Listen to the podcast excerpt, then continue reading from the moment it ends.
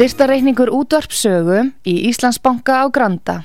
Útubú 513, höfubók 26, reikningur 2.11.11. Nánari upplýsingar á útvarpsaga.is. Takk fyrir stöðningin. Heimsmálinn í umsjón Pétur Gunnlaugssonar. Fréttir og fréttatengt efni af Erlendum Vettvangi.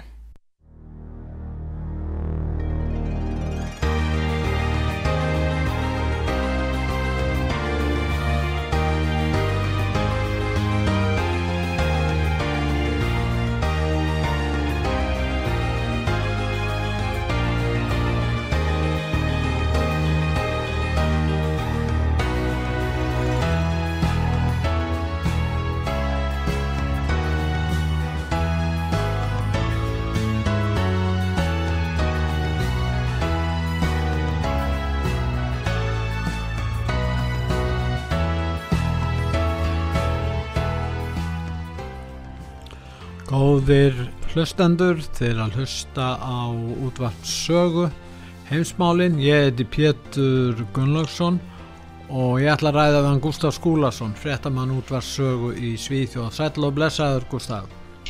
Já, komdu nú marg blessaður Pétur og, og hlustendur út af sögu. Nú við ætlum að byrja á þessari styrjöld, þessari sorglegu styrjöld hann í Úkrænum Já. og það var skotið á Kænugarð í morgun og uh, fleiri borgir Já, það var, við skilst, ég man ekki hvað ég reknaði upp marga borgir en það voru, sko, það var að tala um það, fónin á sænska sjónvarpi, sko, Já. það voru nokkuð stóra borgir viða um landið og, og hérna, það er náttúrulega, sko, það það voru gríðarlega viðbröð það var náttúrulega ekki vitað í morgun hversu vítækt eh, sem sagt vítækur skadin hefði verið. En það er að koma sífælt betur og betur í ljós og það eru einhverju sem hafa dáið og, og einhverju sem eru sardir þetta, við skilst í kænugarði þá hafi sprengurna lent á ríkistjórn altså, ríkistjórnar byggingum og sögulegum minnjum og, og eh, þetta náttúrulega er á, á bara vennulega borgara. Já. og þetta pútinga út yfirlýsingu núna áðan um það að þetta væri í hefndaskyni fyrir, fyrir brúna sem að var sprengt núna upp um helgina. Já, en, en hún var sprengt um helgina, hann ekki vita hver gerði það en uh, þetta var uh, aðalbrúin sem að liggur á milli Krímskagans og, og, og Rúslands og þeir flytja vopnin frá Rúslandi yfir til Krímskaga og svo aftur til Úkrænu að gegnu þessa leið.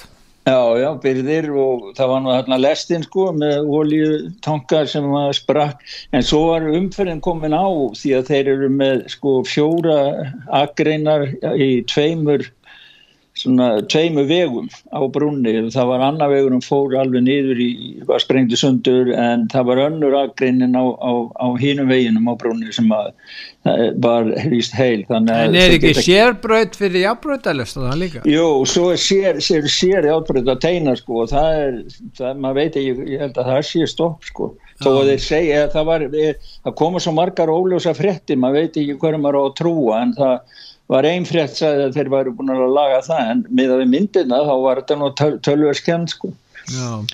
en svo er, sko, svo er, er sko, viðbröð viðbröðin eru gríðarleg. Því að, því að hérna sko núna geta sírunna voru að fara í gang núna áðan aftur í skilsmér í kænugarði og núna eru hjálpastofnunanir það komum fréttunum það að þær get ekki starfaðna núna vegna árásanna en síðan eru gríðarlega mikil viðbröð sko því að nú á að kalla saman G7-löndin á aukafönd, það eru Þískaland, Frakland, Bandaríkin, Breitland, Japan, Kanada og til þess að ræða viðbröfið þessu Európa-sambandi er búið að gefa út utan ekki ráð þeirra Európa-sambandi Jóksar Brell eða hvað hann heitir. Hann segir að þetta sé stríðsklæpur og það verður náttúrulega að, að hann sé bara í áfalli og það, sko allir eru samanlega um það að það verður að borga fyrir þetta. Og Þískaland þeir, þeirra þeirra einhver eitthvað kansli eða eitthvað konsulat sem voru með, það skemmtist en það hefur vist ekki verið neitt nýð því í lengri tíma þannig að og svo Svíðþjóður hindi, hann lindi utan ekki svo að Svíðþjóður, hún listi yfir hún voru volið ánað enginn í sænska sendir á hennu hefði slasast. Ólaf Sjóls hefur lofað fjóru nýjum eh, svona loftvarna kerfum frá Þískalandi og Macron hefur líst suðning yfir Selenski og eh, Breski utanriksráður hann sagði að þetta var dæmi um veikleika Pútins og pólski utanriksráður segja að Rúsland geti gunnundar stríð. Þannig að þessar árási þetta, mér syns að þetta var bara komin inn í svona hefbundi stríðsferil uh, einn gerir eitthvað á, á, á, á móti öðrum og þá kemur leikur á móti bragði og svo stigmagnast þetta allan tíman. Nú fyrverðandi fórsiti bandaríkjana, hann krefst hafalausra fríðarumræðina hann, eh, og hann hefur talað fyrir því og reynda fleiri, Elon Musk sem er nú ríkast sem aður heims en þó síðast eru við vissum. Hérna, þá, þá er hann líka og þeir eru fúlir út í hann Ukrænumenn segja við Elon Musk hann getur bara farið til fjandans og þá segir hann mér er andum Ukrænu en ekki þriðju heimstyrjöldina eða hann segir það. En, en Trump er þarna að gera kröfur um það að það verði farið í friðavirraður og segir annars lendum við í þriðju heimstyrjöldin og síðan verður engin plánet eftir. Ef maður heyra blóð, hljóðbút með, með eh, fyrirverandi fórseta gerum það. In Ukraine, with potentially hundreds of thousands of people dying, we must demand the immediate negotiation of a peaceful end to the war in Ukraine, or we will end up in World War III and there will be nothing left of our planet, all because Stupid people didn't have a clue. They didn't have a clue. They don't understand. They really don't understand. I rebuilt our military. I rebuilt our nuclear power. They don't understand what they're dealing with, the power of nuclear. They have no idea what they're doing. Já, sko, það er staðið við lítum á stöðuna, Gustaf, þá eru að fari fríða viðræður sem myndu þá byrja vantala á vopnal hér og síðan myndu þær standa yfir kannski langan tíma. En hinlegin er svo að halda áfram stríðunu þar til annar aðlinn sigrar og við vitum ekki á þessari stundu hvernig það getur farið, hvort að rúsarnir gefist upp í hefðbundnum hernaði við Úkrænu sem fær áframhaldandi fullkomnustu vopp frá Vesturlandum eða hvort að rússarnir sæki fram og tæki jafnvel ennþá stærra svæði af Úkrænu og eða reyna að halda þinn svæðum sem þeir eru með.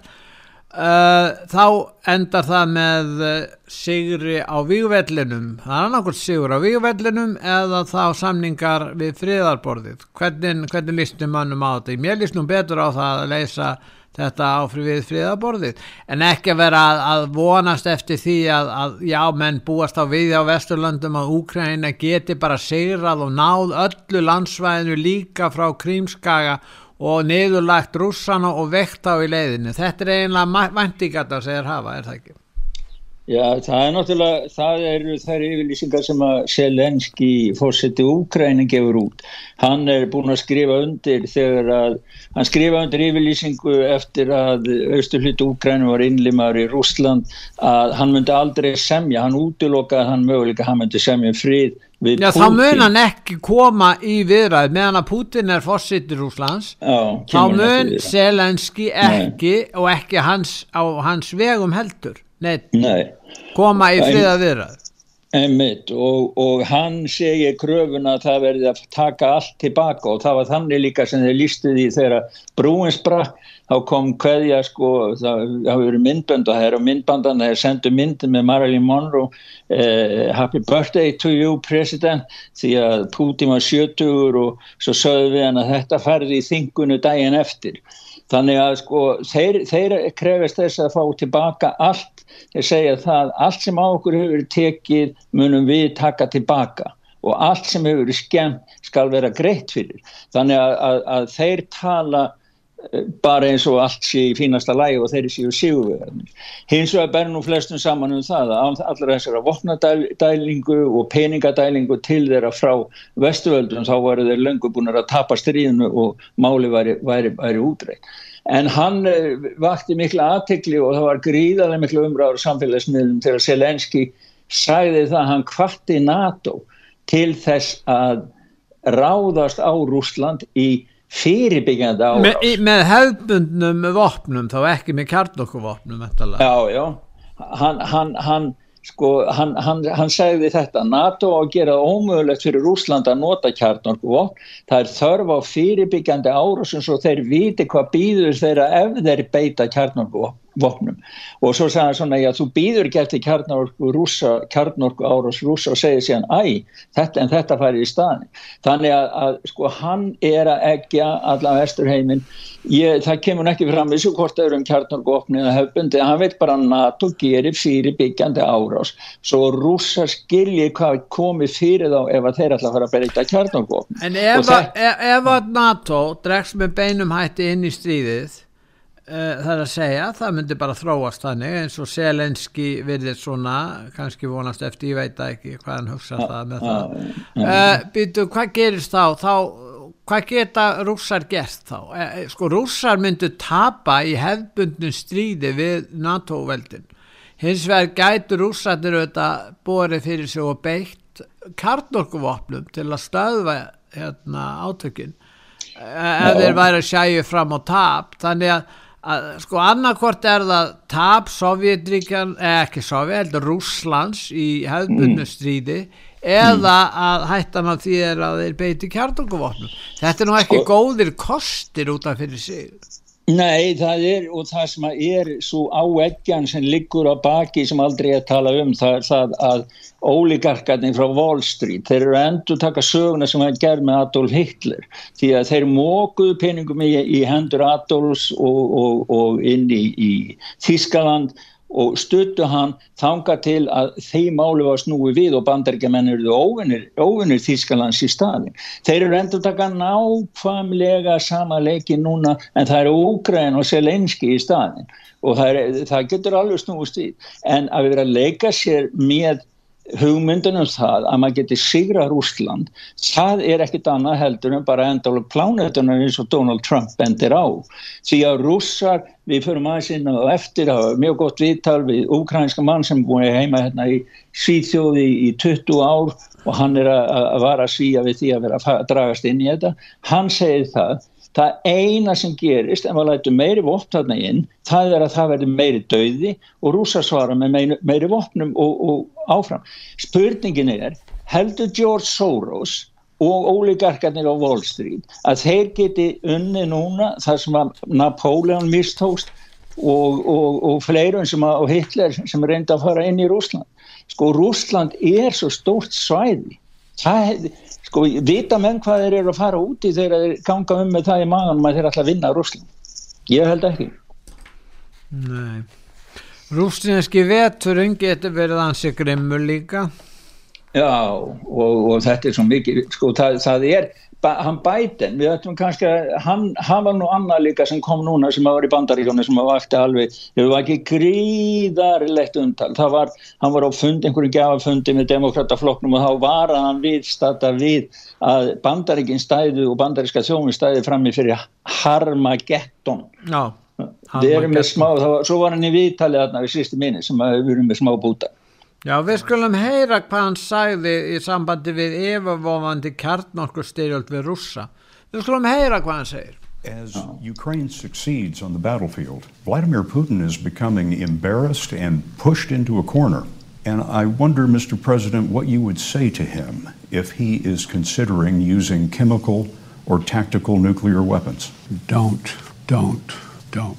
It will change the face of war unlike anything since World War II. And the consequences of that would be what? I'm what would the U.S. response that. be? You think I would tell you if I knew exactly what it would be? Of course I'm not going to tell you. It'll be consequential. They'll become more of a pariah in the world than they ever have been, and depending on the extent of what they do will determine what response would occur. Hann svarar ekki bætinn hvað hann myndi gera og, nei, og bara aðvara segir það en, en sko en hann sagði sko á þessum gjafafundi sko hann, hann þá sagðan, eða hann hefur sagt það sko að það er ekki hægt að, að nota uh, taktíst kjarnorkuvopn sem ekki enda með Harmageddon. Og, það var, það var, og hann sagði við höfum ekki staðið frammi fyrir Harmageddon síðan eftir Kennedy og Kúbukreppuna sagði Biden. Og, ja. og, og það, það, voru myndir, það eru myndir sko, sett nokkuð tíst svona þar sem hann er að flýja undan bladamennum hleypur upp í þyrluna þannig að hann er utan kvítahúsi og þeir spurja Biden, Biden, verður Harmageddon? Þannig að þetta er sko og svo eru er menni svo Macron réttilega, hann bara skammaði bætan og sagði það að menn verða að, að tala af varfærni sem eru í leitóa, svona leitóa stöðu fyrir, fyrir mælendur fyrir stóra þjó, heilu þjóðina, stóru þjóðina. Macron fórsiti Fraklands er að reyna að halda upp einhverjum leiðum eða sambandi við Rúsland til að hafa opna línu gagvar þeim til þó að ef það verða einhverjir möguleikar á því að reyna að ná einhvers konar vopnalhi eða friðarsamningum eða reyna að fara í friðar átt hann er sá eini af þessum leiðtóðum á Vesturlöndu sem þó er með þessa opna línu en er jáfnframt mjög vill selja Úkrænum önum vopn en hefur þá þá opna möguleika og hann hefur um þetta eins og segir gaggrínt bætinn fyrir ekki bara hvernig hann talar um kjarnorkuvopnin heldur líka bara er hann með óbeinum hætt að gaggrýna það að, að stefnan er of herská í raun og veru, er það ekki? Já, sko það, sko það við, við erum eiginlega, sko heimurinn er núna stendur anspænist í hvað á vegamótum, hvaða leið á að taka, á að ræða við Putin og reyna að semja um frið eða á að fara út í fullt stríð. Og það verist vera það sem að er núna upp á borðinu í öllum þessum fundarhöldum og öllum þessum fréttum og samböndum allra þessara aðila í, á Vesturlöndum. Selenski hann er búin að segja sig maður veit alveg hvað hann stendur hann, hann vil bara taka allt tilbaka Já, en, en, en, en sko við erum að tala um það vill enginn segja við skulum reyna að hætta og ljúka þessu úkrænustríði með samningi, með fríðarsamningi því að þeir sem það segja þeir eru kallaði svikarar með málst við málstað úkrænu og rúsa dindlar. Það er einlega þannig að fríðarviðletni er flokkuð sem einhvers konar undirgefni við rúsnænska innrás. Ja, Já, það, þetta, er, þetta er alveg rétt sem þú segir og það, það var núna í vikunni viðtal hjá Tökkur Karlsson á Fox í bandaríkunum sem er hjá, hjá Fox stöðinni já, það er rétt. Já, já, Fox stöðinni, sko, hann, hann ræði mikið um þetta og hann, hann er svona náðungi sem bara segir það sem honum finnst og hann fær að sitja áfram Já, hann fær að vera áfram á Fox, já, já Já, já, já og hann fann náttúrulega mikla gaggrínu og mikið, Já, mikið í hausin en hann var að ræða við eitt annan opinskáan eh, eh, Greenwald, Glenn Greenwald bladamann í bandaríkanum og það er með smápút það sem að einmitt er verið að ræða hvað umræðan er læst og, og hvað margir þór ekki að segja það sem er hugsa þetta er mjög aðtiklisvert það er hljópabútur smá hljópabútur með þeim Takkar Karlsson ræði við Glenn Greenwald The consensus in Washington is that we are closer to the use of nuclear weapons than at any time since the Cuban Missile Crisis 60 years ago. There is a very real threat of a nuclear exchange or even a direct confrontation with Russia and the United States. And over what? over who governs and rules not even Ukraine, but the Donbass, the eastern region in Ukraine, where a majority of people actually identify as ethnic Russians and want to be part of Russia. And yet there's almost no debate over whether we should be sending huge amounts of money there and risking the lives of American citizens through the possibility of a nuclear war because everyone knows that the minute you step up and step out of line, there's a horde of people ready to call you unpatriotic or a traitor squashing a that we absolutely have to have. But we're losing track of reality. If a nation has nuclear weapons and you believe even theoretically they might use them, you have to treat that nation differently. You may not want to, it may be unfair, but that's why nations seek nuclear weapons because you can't boss them around. If you ignore the possibility that your entire population could be killed, you are not fit for leadership because you're insane. And, and it feels like our leaders are right there. They're insane. No. Oh. Um, Já, hann er ekki að klýpa utan á orðunum Tökki Karlsson, hann segir bara, segir bara stjórnmála leitónur okkar þeir eru komnir á þann stað, þeir eru bara orðin kólbrjálaðir, bara geðvikið og, og þeir eru einmitt að ræða það að Já sko, að, Green, Glenn Greenwald, hann er bara bend á það að það er hægt á kjarnokustyrjald út af svæðum í austur hluta Úkrænu, Donbass-svæðinu, það sem að jafnvel meiri hluti fólks vill frekar tengjast rúsum en Úkrænu kænugarði. Þess vegna á heim, heimurinn að fara í heimstyrjald og kjarnorku, að eigða þessari plánetu út af þessum ágreining. Að þetta er kannski, og það, og það sem verður er, að það megi ekki ræða það að reyna að ná fríðarsamningi út úr þessari stöðu vegna að það er þá svik við Úkræna þeir eignist ekki aftur og endur hemt ekki aftur þessi svæði úr höndum rússa bæði Krímskagan og austur hluta Úkrænu. Þetta finnst mannum vera, eru hagsmuniti það ríkir að það kalli á eyðingu heimsins, maður bara spyr. Já og það er bara miljón dollara spurningin Pétur. Þetta er spurningin sem allir eiga að spurja sig. Er það þess virði að fara í friðu heimsturöldana sem getur verið kjarnorkustyrjöld og, og, og, og drepur hundruði miljóna manna á, á plánutin og gerir hana að, þannig að sé ekki að búa hann næsta ára. Þetta er búir hreinlega, ég menna það verður ekki hægt, jarðvegurinn verður ónýttur í mörg hundruð ár, það er ekki hægt að búa hérna lengur. Já, þeir sem eftir lifðu myndi bara, bara, bara, bara verða sjálfsmorð fjölda sjálfsmorð já já og svo, svo sko, verður kjarnorku vétur segja vísandamennar okkur fimm, fimm, fimm ár þar sem að sólinn er ekki til jarðar og, og flesti degur hundur en, en, en svo ég grípi fram mig hvað, já, hvað með þessa frettir um að þeir var að kaupa liv vegna, vegna hérna, geyslavirkni frá kjarnungustyrjöld í Washington fyrir 41 miljard Hvað, hvaða rugglir í gangi þar? Já, ég fór út í apotek hérna og ég ætlaði að fá mig jótöflur sem eru mjög, mjög, mjög gott að hafa til þess að hindra það að skjálkirtilling takja að sér svona geyslaverk efni eftir, eftir kjarnungu það er ekki hægt að, hægt að fá jótöflur í síðan. Það er allt uppselt og ég held að það sé svolítið líka nýra á meilandina það er bara fólk er búið að hamstra allt upp. Þannig að það er greinilegt að hvað svo sem menn segja stóru gaurarni segja og það ég meina venjulegt, það, hver vill þetta? Tekur þetta, tekur þetta í töflum en ekki í, í, í, hérna, í vögva fljótandi, já ég, já, ég hafði bara lesið um töflu já ég hef herstu það líka sko Já, nei en ég meina þetta er alveg eins og þú spyrð þetta er það sem allir eiga að spyrja sig. Og venjulegt fólk á bara að taka sína stjórnmálamenn niður og segja við viljum ekki þetta stríð. Stopp þetta núna, strax. Setist niður og, og, og komið í gang fríðaverðum hætti að dælinn vopni mín í Úgrænu við viljum ekki fara ef við förum að tala um mannfall þá er mannfallið að delta um þessi Afríku í til dæmis í Eritreðu, Eþjóbíu, Sómalíu, bara þessu stað, bara þessu Já. stað. Það eru Já. sko miljónir í hættu. Í stríði Jemen heldur áfram og það vestar. Ég meina söður uh, Sútan er hluta af þessu hungursvæði.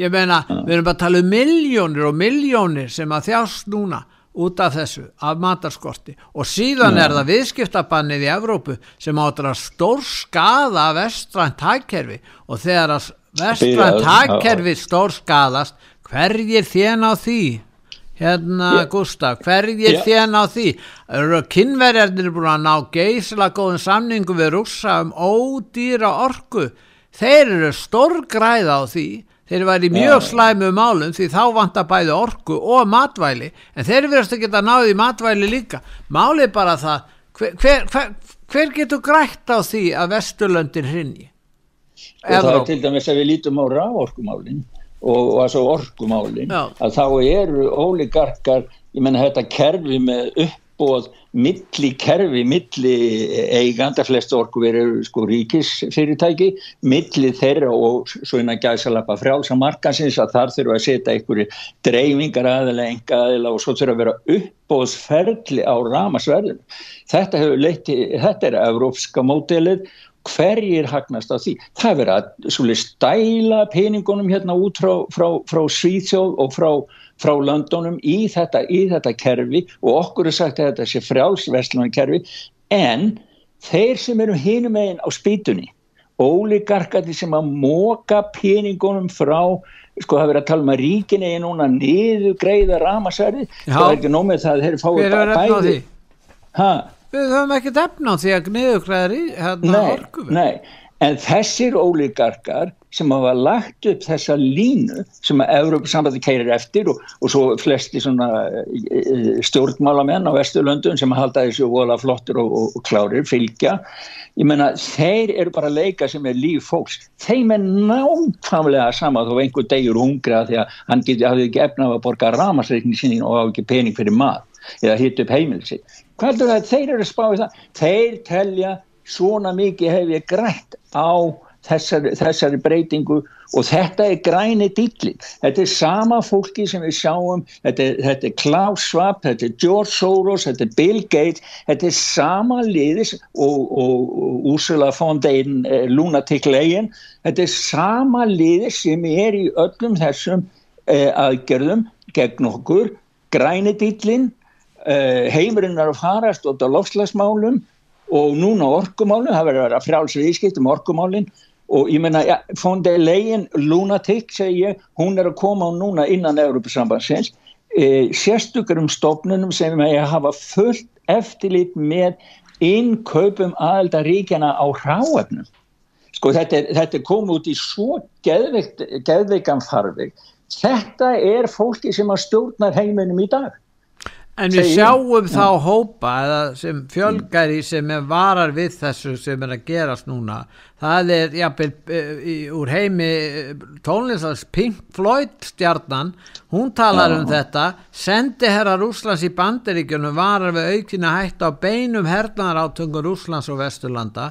Pólverjar vilja fá aðganga kjarnorkuvoknum bandaríkjana í Evrópu og, og hérna og síðan er það Professor Jeffrey Sachs telur að Bandaríkin og Póland standa baki sprengingu Nord Stream varar við hættu á kjarnorkustyrjöld og svo sænskur saksóknari hefur komist að því að þetta var skemdaverk árásin á Nord Stream þannig að, að það kem, koma aðvaranir úr öll, mörgum áttum mörgum Já. ólíkum áttum getur við sagt, er það ekki? Já, algjörlega sko og, og sem betur fer þá eru fleiri og fleiri svona vakna upp því að þetta líka, þetta var líka í sambandi eins og með, með COVID og koronaveirinu að það, það var, þar voru okkur sagt og uh, þetta er heimsfaraldur, síðan kemur við ljós að það var minna en, en 1% sem dó og hvað eru mörgjum við það hvað að kalla uh, síki faraldur?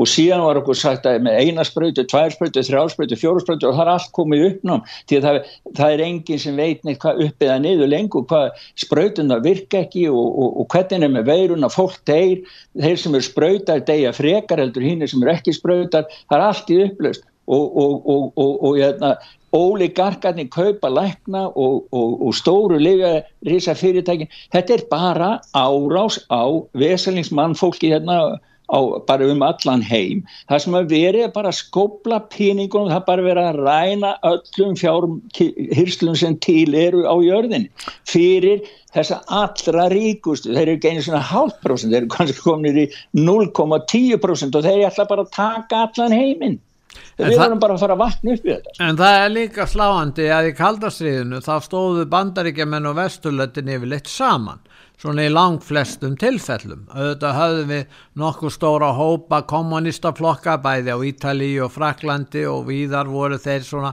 einhvers konar nýtsami sakleysingar sem stuttu þetta. En yfirleitt stóðu þessi ríki saman. Bandaríkjaman voru þar í farabrotti og, og, og letu ekki hérna, ef maður segja orða þannig vaða yfir sig. Nú er tíðin allt önnur. Nú er vandamálin að finna einmitt í bandaríkjónum. Þar er það, sko, bandaríkjumenn sjálfur almenningur vill fara samningaleiðina en ekki kvítahúsið og, og þannig að kvítahúsið er að vera sífælt fjandsamlegra uh, skoðunum almennings og endur speklar ekki viðhorf og lífsviðhorf bandaríska almennings. Þannig að, að, að þetta er mikil breyting á stöðunni sem var áður frá kaldarsriðinu. Hvað sem finnst þér um það? Já og það er náttúrulega sko það er sko bandaríkjumenn hafa sagt sjálfur alla kannanir segja það þeir vilja ekki taka þátt í stríðin í Úkræn þeir vilja ekki senda bandaríkjumenn yfir til að að berjast fyrir því, fyrir því eins og við rættum áðan um að hver eiga að vera stjórnandin í Donbass.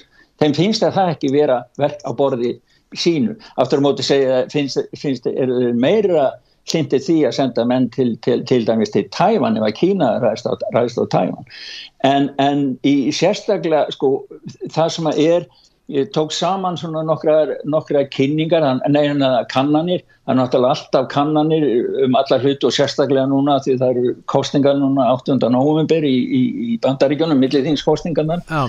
og kostningamálinn það ber flestum saman um það að það er verðbólgan ég tek til dæmi hérna frá Monmouth eh, háskólanum. Að hann, það er verðbólganu nummer eitt, eh, glæbamennskan nummer tvö eh, og svo þar Innflytjandamáli nummer þrjú. Já, og svo já, hjá þeim, já, innflytjandamáli nummer þrjú það er svolítið ólíkt eftir í mismunandi eftir í hver það gerir. En ég var svolítið hiss á því hjá Monmouth að þeir voru með sko kostningarkerfið það kom hátt upp hjá þeim, en sen er náttúrulega þessi klassísku mál vinna og svo innflýtjenda málinn og, og þegar er rætt um Úgrænu sérstaklega þá vilja, vilja hérna 85 þegar, þegar var gerð könnun áður en að rúsa fóru inn í Úgrænu þá vildu tæplega 85% sem svöruðu í bandaríkjan að bandaríkjan menn ættu ekki að hafa hernalega íhlutun ef að rúsa reyðist inn Úgrænu. En hvítahúsið er ekki á sama máli því að þeir dæla inn peningum, þeir dæla inn vopnum yfir til Úgrænu. Þannig að það er, þannig að sko, það er gjá á milli hvítahúsins og bandarísku þjóðurinnar mjög greinilega þegar maður kikir á þessa, kikir á þessa hérna og svo hérna þessar kannanir. Og svo höfum við nú rætt sko það hefur verið svolítið upp og niður hérna, með til dæmis eh, spurningur um það hverju vinna kostningarna sko. Eh, demokrata voru yfir í síðasta mánu núna hafa republikana staðan er núna akkurat 47% fyrir republikana og 44% fyrir demokrata en það eru sveiflur upp og niður á tíman sko. En uh, ef við tölum og hlustum á Maris, mann sem heitir Erik Adams, hann er borgarstjóri í New York, hann er demokrati hafa búist við miklu af honum hann uh, vann yfirbörða sigur í þessu prófkjöri og hjá demokratum og menn töldu að það veri mikið í hans bunni þannig að mann en uh, hann lýsir yfir neyðar ástandi vegna þess að hann getur ekki tekið á mótu ólögulegum innflytjendum þegar allir aðrir verða að taka á mótu ólögulegum innflytjendum. Akkur getur þess ekki stórborgin í bandaríkjónu tekið á mótu þessu? Ef maður heyri í honum hérna? Erik okay. Adam, sjá hvað hann segir. We expect to spend at least one billion dollars by the end of the fiscal year on this crisis all because we have a functional and compassionate system. Our right to shelter laws our social services, and our values are being exploited by others for political gain. New Yorkers are angry. I am angry too. We have not asked for this. There was never any agreement to take on the job of supporting thousands of asylum seekers. This responsibility was simply handed to us without warning as buses began showing up. Gustaf, þetta er nú einhver hámark hræstinar þessi flokkur hans er búin að tala um það að taka mótu öllum sem vilja koma til bandaríkjana gegnum Suðurlandamærin. Þá Já. segir hann það var aldrei ætlast til þess að við tækjum á mótu nokkrum hælisleitum þegar hann áði hlut hins vegar að þeir Já. sem er í Suðurlutanum þeir eru að bera allan kostnað af því hvort það eru afbrót eða, eða framfæslukostnaður eða annað Já, en hann grætur yfir þessu og vælir og segir þeir þurfa að leggja stórfjöð fram því að það var aldrei búist við því að þeir þurftu lokkuð að leggja fram í þessu. Nei, Hver, hvers konar rugglar þetta? Já, hann ætti eiginlega bara að senda út lið og stoppa sem sagt eh, rúturnar því að, að einflýtjum vandamáli byrja hjá honum í Þeir segja þetta sé mannauður, þetta sé gífulega gott fyrir bandaríkin að hafa opið landamæri að miljónir og miljónir streyminn, hvort sem það er eitthvað annað, það er bara eitthvað sem verðum að taka með í myndina en aðalatrið þetta er gífulegu mannauður sem styrkir bandaríkin. Akkur er hann ekki ánæður þessi New York maður við að fá einhverja til að laga til á veitingastöðunni hjá þeim og, og reynsa svona vinna svart þar. Er það ekki Já, til að auka eins og- hag borgarinnar, hvernig er það? Já, eins og Pelosi sagði en að fórsetið þingsinn sko, hún sagði, já, það er nú gott að ég hafa innflytjandi því þeir gæti að mitt unni þessi störf. Já, emmitt, þetta er týnt appilsínundan hann í Kaliforni já, já, einmitt. já. Nei, ég meina að þetta er sko hræsni Þetta er bara mannsal, hræsni og þetta, demokratatir í dag minna sko á gömlu demokratana sem stjórnuðu Suðuríkjónum og hafðu þræla. Nú Já. hafa er þá sem kjósenda þræla og, og flytja þá inn svona sem, til að týna appilsínudan í Kaliforni Já. og heyrðu þetta er alveg, he- þeir bara halda áfram. Já, þeir halda bara áfram og nýja kúkusklan, það er dómsmálaránit og FBI bara út að terrorisir alla sko Já, ég held að það er að rifjað upp að Abraham Lincoln var fyrsti republikanin, ég held að þetta er kannski, þeir vita það já. kannski ekki. En Nei, þetta republik- hann í þessum hljóðbút, þessi Erik, og þetta áttu nú að vera helsti hérna, helsta Trump-demokrata þarna í næstu kostningum og, og stuðnismadur demokrata sem borgarstjóri þessara stóru og miklu borgar New York að hann ætlaði sko að reyns upp glæpi, glæpum fjölgaðum 40% af mörgum sviðum á milli all ára. Já, hérna, sá áttu nú að gera eitthvað í því. Kratarnir eru allstaðar eins, Pétur það er saman hvort að New York, Nei, eru Stockholm eða að, Reykjavík. nei, Mette. Fridriksson, hún er ekki eins og, eins, og, eins og hér á Íslandi, hér á Íslandi vilja hleypa öllum inn, en hún vil þá senda á til Rúanda, þannig að mjög mikill munur á jafnamönnum í, í, í, í Danmörku og. Íslandi. Já. Það er auðvitað að gle- gleyma henni þegar því það er svo mikið hjá mörgum öðrum sko. Nei en það er alveg rétt, hún hefur staðið sér príðlega en hún var nú að, lýsa yfir, yfir þingkostningu núna. ég var svolítið hissa á þessari lagsókn með Trumps gegn CNN fyrir Róburð og hann fær fram á 475 miljón dólar í skadabætur hann sem opinber persóni ég hef enga trú á því að hann er í séns á því að vinna þetta það verður fróðlegt hins vegar að fylgjast með þessu réttarhaldi ef að Já, það fer fram það. sko ha, Nei það er mjög gott skilur það sem kom fram því að hann, hann ja, lögfrangan hann skrifur það sko að, að í ákærinu að CNN sem að hefur náttúrulega töluvert áhrifavald sem stór fréttamíður að þeir hafi verið með röð sífælt nexla legra, rangra, ærumiðandi uppnefning eins og rasisti, rúsabindill og óra seggur og svo að lókum bara Hitler, það er bara sama við Hitler. Já, og, og ég er svolítið spenntu fyrir því sko, að, að, að, að, að, að hva- hvað kemur út úr þessu ef þeir hafa kraftin til þess að fylgja málun alveg upp í vegg. Hvort að CNN sé stækt á þessu því að, því að, því að þeir hafa sko sannanlega notað stöðu sína áhrifavald sitt til þess að vinna stjórnmálulega gegn Trump. Góðir hlustendur þeir að hlusta á útvarp sögu Ég heiti Pétur Gunnlaugsson og ég er að ræða með Gustaf Skúlason, fréttamann út af sögu í Svíþjóð. Við ætlum núna að fá auðlýsingar og höldum svo umræðina áfram eftir auðlýsingarli en þá ætlum að ræða um Evrópusambandið og ástandi í Svíþjóð. Heimsmálinn í umsjón Pétur Gunnlaugssonar. Fréttir og fréttatengt efni af Erlendum Vettvangi.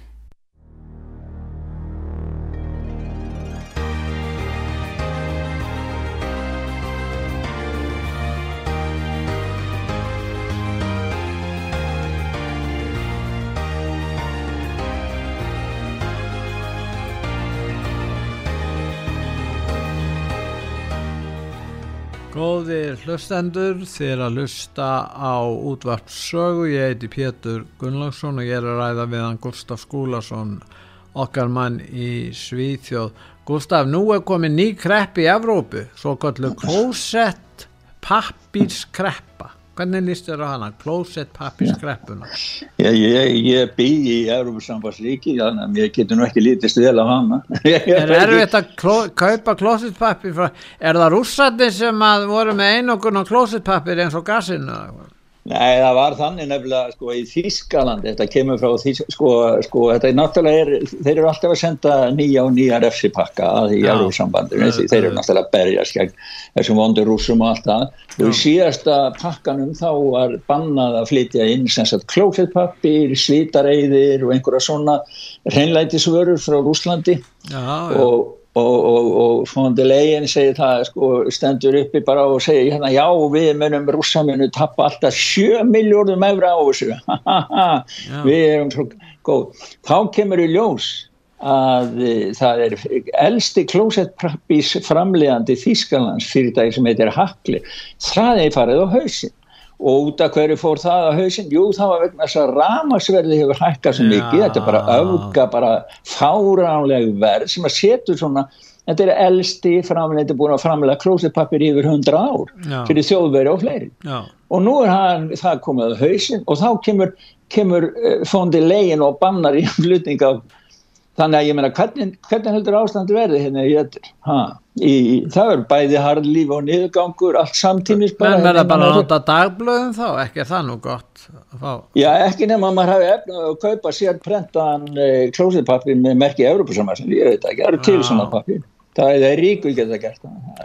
Það getur vel verið en þetta lítur nokkið nógu vel út sko Ha. Nei, ég held bara að það bara verið að bjóða sko gamlum steinaldarsíklum tilbaka til Európusambansins og, og síðan verið farin að skamta En segðu mér, hvað eru þeir að ræða saman Úrsula von der Leyen og, og hérna ráða manni skefing að segja, hann má nú kalla hana má ekki kalla hana bara leiðtoga Evrópu og hins vegar Pfizer fórstjórans hvað eru þau að spá í? Já, hún kallaði sér títillin hennar er náttúrulega fórseti framkvæmda stjórnarinn og það er náttúrulega þeir líta á Európu ESB sem eitt ríki og þá er hún fórsetin og, og svo ertu með ráðherra og utanrikkisráður og alls konar ráðherra. Þetta er bara, framkvæmda stjórnin er bara ríkistjórnin Já. En nei, það var það, það kom upp hérna, það er rosalega aggrínir sko, það var þá voru fyrst gerðið tveir samningar við, í sambandi við COVID, þá voru gerðið samningar í, í sambandi við að kaupa Pfizer og fleiri, fleiri líf, mótaðarina og fleiri. Og, og eh, en síðast í samningun sem við gerðum og var langsamlega stæstur, það var keift fyrir keifti 1,8 miljardar bólefna skamta Pfizer, það var bara gert í gegnum svona SMS það var vikið frá viðteknu uh, ferli við innkaup hjá Evrópusambandinu. Í sambandi við þetta þá voru hinn tvö skiptin sem voru undan, þá voru teimi, sameileg teimi ennbætsismanna frá framkvæmdarstjórninu og sjö aðeldaríkum sem skiluðu mat og tilugum til einhvers bólefna ráðs með fulltrúum allra aðeldaríkina sem samþyktu síðan samningin sem Európa-sambandi síðan gerði. En nýjasti samningur sem hún gerði sem var langsamlega stæstir þetta er langsamlega stæst yngöpa samningur sem að e, allavega með bólefni sem Európa-sambandi hefur gert að, að það fór bara fram, fram hjá þessu ferli, það var ekkert talað við neitt, það var ekkert sammeilegt heimi embætismanna frá Frankondastjórn og sjú aldaríkjum, það var ekkert, heldur var bara samþýtt SMS maður þeirra milli ég kaupi þetta, þú selur þetta. Og það var kongakrínum frá Európa-samfarsþinginu og þeir kröðst þess að fá að hún myndi senda SMS að það er byrtu ofinberlega og það var nú sagt nei, það, það var bara því að bara neita, þetta kemur málun ekkert við, þetta var enga SMS en þá sagði, stóð þingja á sér og sagði að þetta er viðskiptalega seglis, það var verið að ræða samning, það var verið að ræða um að kaupa inn fyrir sambandi og þannig hefur við rétt að sjá það þá kom að næsta svar hjá framkvæmda stjórninu og fóndi legin, já því miður það búið að eigða þessu. Og síðan heyrðist ekki nei, en núna er endur, eru endur skoðandur Európa-sambarsins að senda einn fyrirspöld og byggjum að fá fund og, og, og, og ræða þessi mál hvaða er sem hefur verið frávikið. En það er bara lagt lokið á.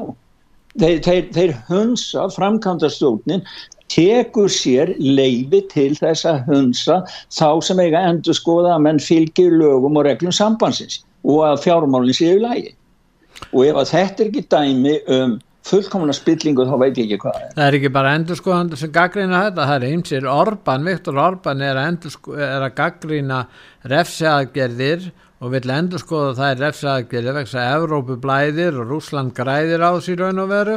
Nú kanslar Austuðiskalans vill eh, gaggrína og segir að, að hælisleitið að stefna Evrópusambandsins af algjörlega mistekist þannig að það eru og þetta kemur úr, úr ímsum áttum í, að, það fyrir nú að heyra bráðum í ít, ítölsku nýju ríkistjórninni að maður búast í að hún fara að gaglina þetta.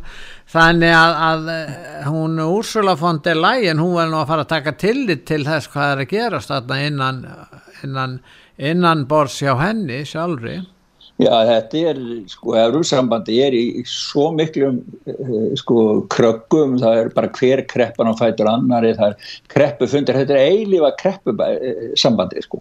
Það eru, það eru, núna eru orku kreppufundir og núna eru klósett kreppufundir og svo eru endur skoðanda kreppufundir og þú veist það, það er, ég meina þetta fólk það hefur bara gaman bara gaman að þessu skilur það fær að fara á fundi og, og segja eitthvað og lifi flottu lífi skilur en núna voru til dæmis saminuð þjóðnar að því að gott þú tekur þetta upp með, með, með hérna flóttamanna stefnuna að saminuð þjóðnar það, þær voru að veita og borga Angel Merkel verðlun fyrir að hafa laða miljónir faransverka fólks eða faransfólk til Evrópu 2015 sem er sjálfur sér leiti til hruns í mótöku allra ESB-ríkjana og er grundulluna þessu byrjunum og grundulluna þessu vanda sem við stöndum fram með fyrir í dag.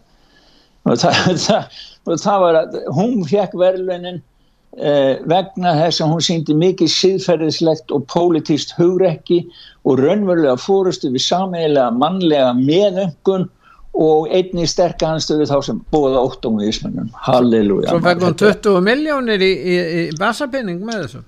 Já, 20 miljónir, sko ég reknaði yfir í 20 miljónir íslenska það Já, en, þeir, en, en þetta er tekið sjónum sem að nota til að hjálpa flóttafólk Já, já, já, já en, það, en það talandi um flottamenn, nú er það það nú Metti Fririksen, emdi til kostinga núna, núna bara síðustu helgi og, mm. og nú er allt farið að stað og hérna og uh, það verður kosi í lokmánar og það er allir sammála í Danmörku, nánast allir flokkar um stefnunu í uh, hérna málöfnum uh, flottamanna, það er að segja senda þá bara á burtu. Þetta er eina ríkið í Evrópu sem hefur tekið þá afgeðan á kannski, kannski Ungverjaland líka og Póland en þeir hafa tekið þessa hörða afstöðu að ætla ekki að, að hafa opinn landamæri eins og við Íslitingar og, og svíjar erum að gera. Þannig að það er ekki mikil samvinn og samhældni í stefnumörkun ev, norður Evrópuríkjana eða skandinavisku ríkjana. En það er aðtiklisvert að hún er að vinna stórsígur.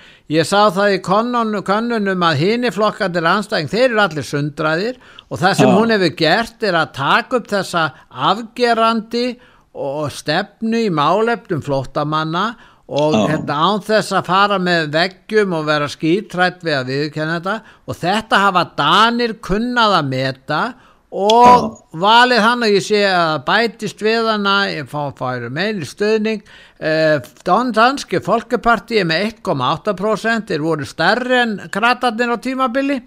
Já, þannig að rétt, hún, hún bara tók yfir þeirra stefnu og síðan nýtur hún góð þetta geta allir hefðbunni flokkar í Evrópu gert með því að taka upp skynsala stefnu í varandi flottamenn en Já. þeir muni því miður ekki gera það. Og alls ekki á Íslandi hvernig sem á því stöndu Mér finnst nú að því að sko að vera að ræða mikið um Norrand samstarf og Norðurland er að vinna Já. saman og annað að, að þessi umræða á, á heima þar Já. og það er mjög veist að, að menni ætti að koma saman og ræða vandamálinn en það er bara ekki gert, maður keirir maður keirir bara einhver, það, það verist vera sem að danski sósældemokrata séu einu kratarnir sem að eru þó einhverju liti þeir sjálfstæð. hafa svo mikla reynsla þeir vissu Já. það vel að Danir risu upp og kösu danska fólkaparti þeir kösu hérna á sínum tíma fremskriðsparti þeir kösu hérna Píu Kerskor þeir kösu hérna hvað hérna nú frægi hérna lögmaðurinn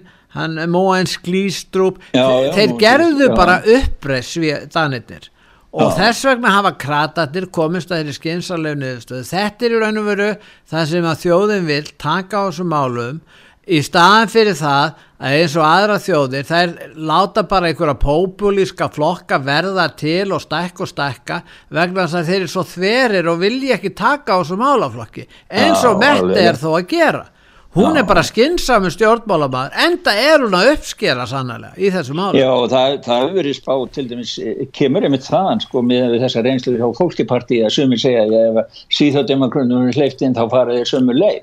En nú er ekkert vist að þeim verðin eitt hleyft inn, nægilega að vísu hafa þeir fengið mikið af, af, af embættum Nei, það er einfalt, ef, ef moderata og kristilegir, ég tala um um taka upp stefnu svíþjóðademokrata í málefnum mm. útlýtinga þá verður þessi flokkur svíþjóðademokrata ekki til eftir ákveðin tíma Já, getur verið fyllt í sama, sama Algjörlega, algjörlega en mér finnst sko eins og við ræðum um að, að þessi stefna sem að danski jafnamenn, þetta er bara eins og ljós í myrkrinu á Norðurlandum og mér finnst bara að ríkistjórnir Norðurlanda er að koma sér saman og bara læra af dönum og bara framfylgja þeirra stefna sko.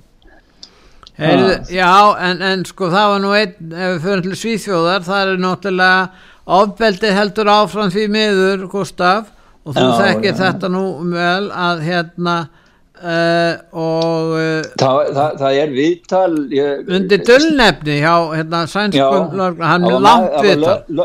lauruglumæður hérna, sem gafst upp sko, á sænsku lauruglum hann er búin að vera í mörg ár hérna, og hann, það var miðill í Nóri sem heitir Dokument sem tók viðtal við hann og kom hinga blaða kona held ég sem kom hinga til Stokkólum sem tók viðtal við hann og hann þóri ekki að gefa upp nafsitt en hann er komin í allt annan, hann er komin bara í matvæleiðina og hann er að lýsa sko hvað lauruglunni er takmarkað að vinna sín störf hérna í Svíþjóð. Og hann, hann notar orðið og hann segir lauruglan er bara eins og leikskóli fyrir fullorna, segir hann hérna í Svíþjóð. Því að menn mátt ekki gera neitt hann mátt ekki gera neitt. Hann er að segja frá alls konar svona verkefnum kaupa pítsu, bjóða glæpamennum í kaffi og borða pítsu og og, og, og hann segir að þessu alls konar leiðbeiningar og sérfræðingar innan lauruglan sem eru bara því að sjá um ímyndina og, og vera ekki of harðir við glæpamennina og svo framvegis. Þannig að ég ráðlega öllum sem að vilja fá svona, þetta er beint frá, beint innan úr lauruglunni sænsku sem, að, sem er mjög trúarðist viðtal og hún, hann er raunverulega til þessum aður sko, þetta er ekki neitt feik. En nú er orkukreppan að skapa fátækt í Svíþjóð, það er óhjökkvæmlegt og það er að koma aðvarinni frá mörgum aðlum, ólíkum aðlum sem segja þetta mun gerast jafnvel á Íslandi þegar að verðin fara hækkandi.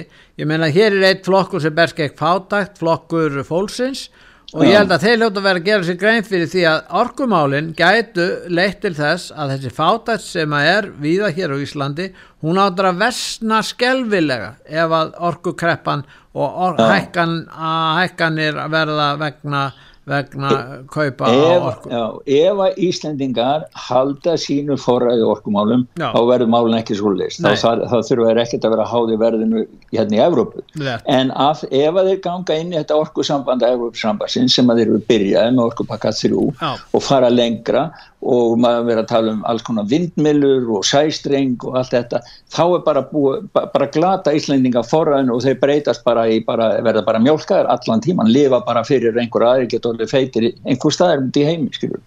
en þetta er hræðilegt hvernig þetta er orðið hérna í Svíðsjóð því að það eru átta lénsöningar í vestra Götaland, í Götaland, Östujötland, Jönköping, Krónuberg, Kalmar, Blekingi, Skánu og Hallandi. Þeir voru að byrta skýslu og hún er e á heimasíðu e, út af sögu, ég lára álega gott um að lesa.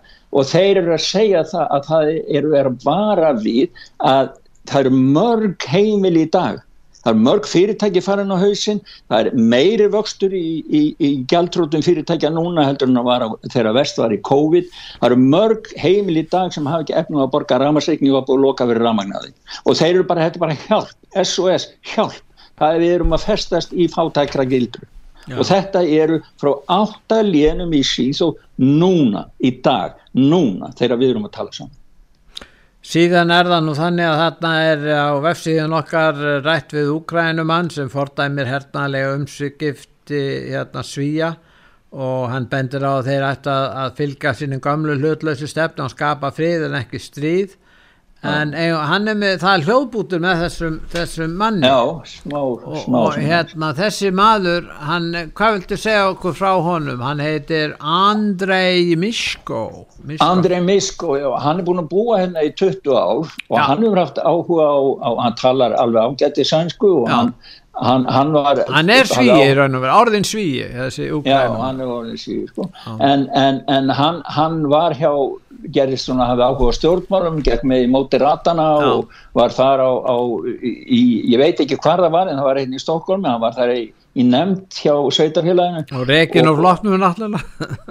Hann var, þegar hann tók upp þetta, hann vildi ekki hann sagði, svíjar þið eigi ekki verið að senda vott til Úgræn þið hafi alltaf verið með, þið hafi verið gott land sem að, sem að aðrir hafi geta komið og samið, samið um deilur. En núna sendið vottna, það mun bara framleika, það, þá munum mínir ættinga degið þarna. Og þeir sem að skilja Rústland vita hvernig Rúslandi, þeir vita bara meiri votur Rúslands, þýðir bara meiri döð og meiri hörmungar og það er alfarið röngleik, mótir ratandi þeir ráka. Þeir ráka nú flokkn finnst þetta hægt, þeir ráka nú flokkn ég á bara ekki til orði ég er svona hexlar en við, við skulum heyra það sko við skulum heyra það, já. Det skrev på Facebook att eh, till de som är så här mycket Putin-hatare och Ryssland-hatare som så åk till Ukraina och strida där istället. Varför ska ni riskera mina människors medborgares liv, mina, mina med, äh, landsmäns liv, min familjs liv genom att skicka mer och mer vapen äh, för att äh, nå era politiska ambitioner? Det är inte rättvist tycker jag. Så därför tycker jag att äh, vapen kommer aldrig stoppa Putin. Det, så anser jag. Det, det förstår ju alla som mer eller mindre förstår Ryssland, hur Ryssland tänker, hur ryssar tänker, hur Putin tänker. Det kommer aldrig stoppa honom. Ja. Hann segir það að vopnin mun aldrei stoppa Putin það skilja það vita þeir sem, að, sem að þekkja til Rúslands og þekkja Já. til ástansins Já. Nei, hann, hann skrifa mjög, það, það er líka, þetta er, er sann saga frá manni sem er að segja bara beint frá sín hjarta og þekkir ástandið og og hann er nexlar, hann er voðalánað með svíja því að svíjar hafa verið mjög hjálpsami við ukrainska flótamenn en aftur á um móti yfirvöldin, hann talaði um það að vini mínu með tíu börn hafa fengið að búa í tveggja herbyggja íbúði í Malmi í fjóra mánu án nokkur stuðning, þeir fá 60 sænska krónur á dag sem á að duga fyrir öll, þannig að hann gefur ekki yfirvöldum í svíþjón en sérstak meðmæli. En hins vegar svíjum, vennilega fólki. Já, já Já, já, já, eigum við að hlusta á nú þetta er þessir erfiða klósett pappís krísa Evrópusambansins verðum við ekki að, að setja þetta hlusta á músikina sem tengist þessu? Það er lægi klósett eh, pappís Já, ekki, ekki taka klósettpappir hvað hefur við að gera þá ef við hefum eitthvað klósettpappir þeir eru meira að það vil ekki flytjandur eru óþektir þeir, það má ekki nefna hver þeir eru. þetta, þeir byggur til þetta lag þú veist í indi kórunu, kórunu þannig að það er bara að endur taka það núna því að núna verður þetta í alvörun sko. eftir að, að framleitin, stóri framleitin í Þísklandi fór á hausin þá er þetta bara búið spil. Já, já, við bara hlustum á þetta lag Já, þakkaði fyrir Pétur. Þakkaði fyrir Gustaf, blessaður. Allt í leið, bless. As the coronavirus outbreak continued, New York has become the epicenter of the outbreak in the U.S. The story of the coronavirus changes by the hour.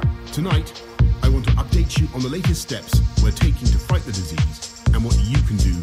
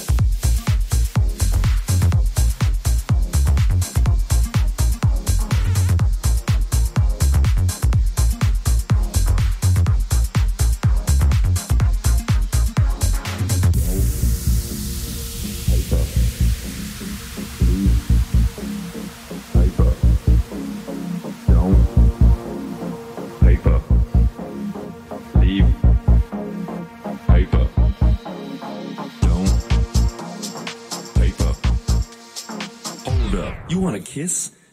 Have you got that coronavirus?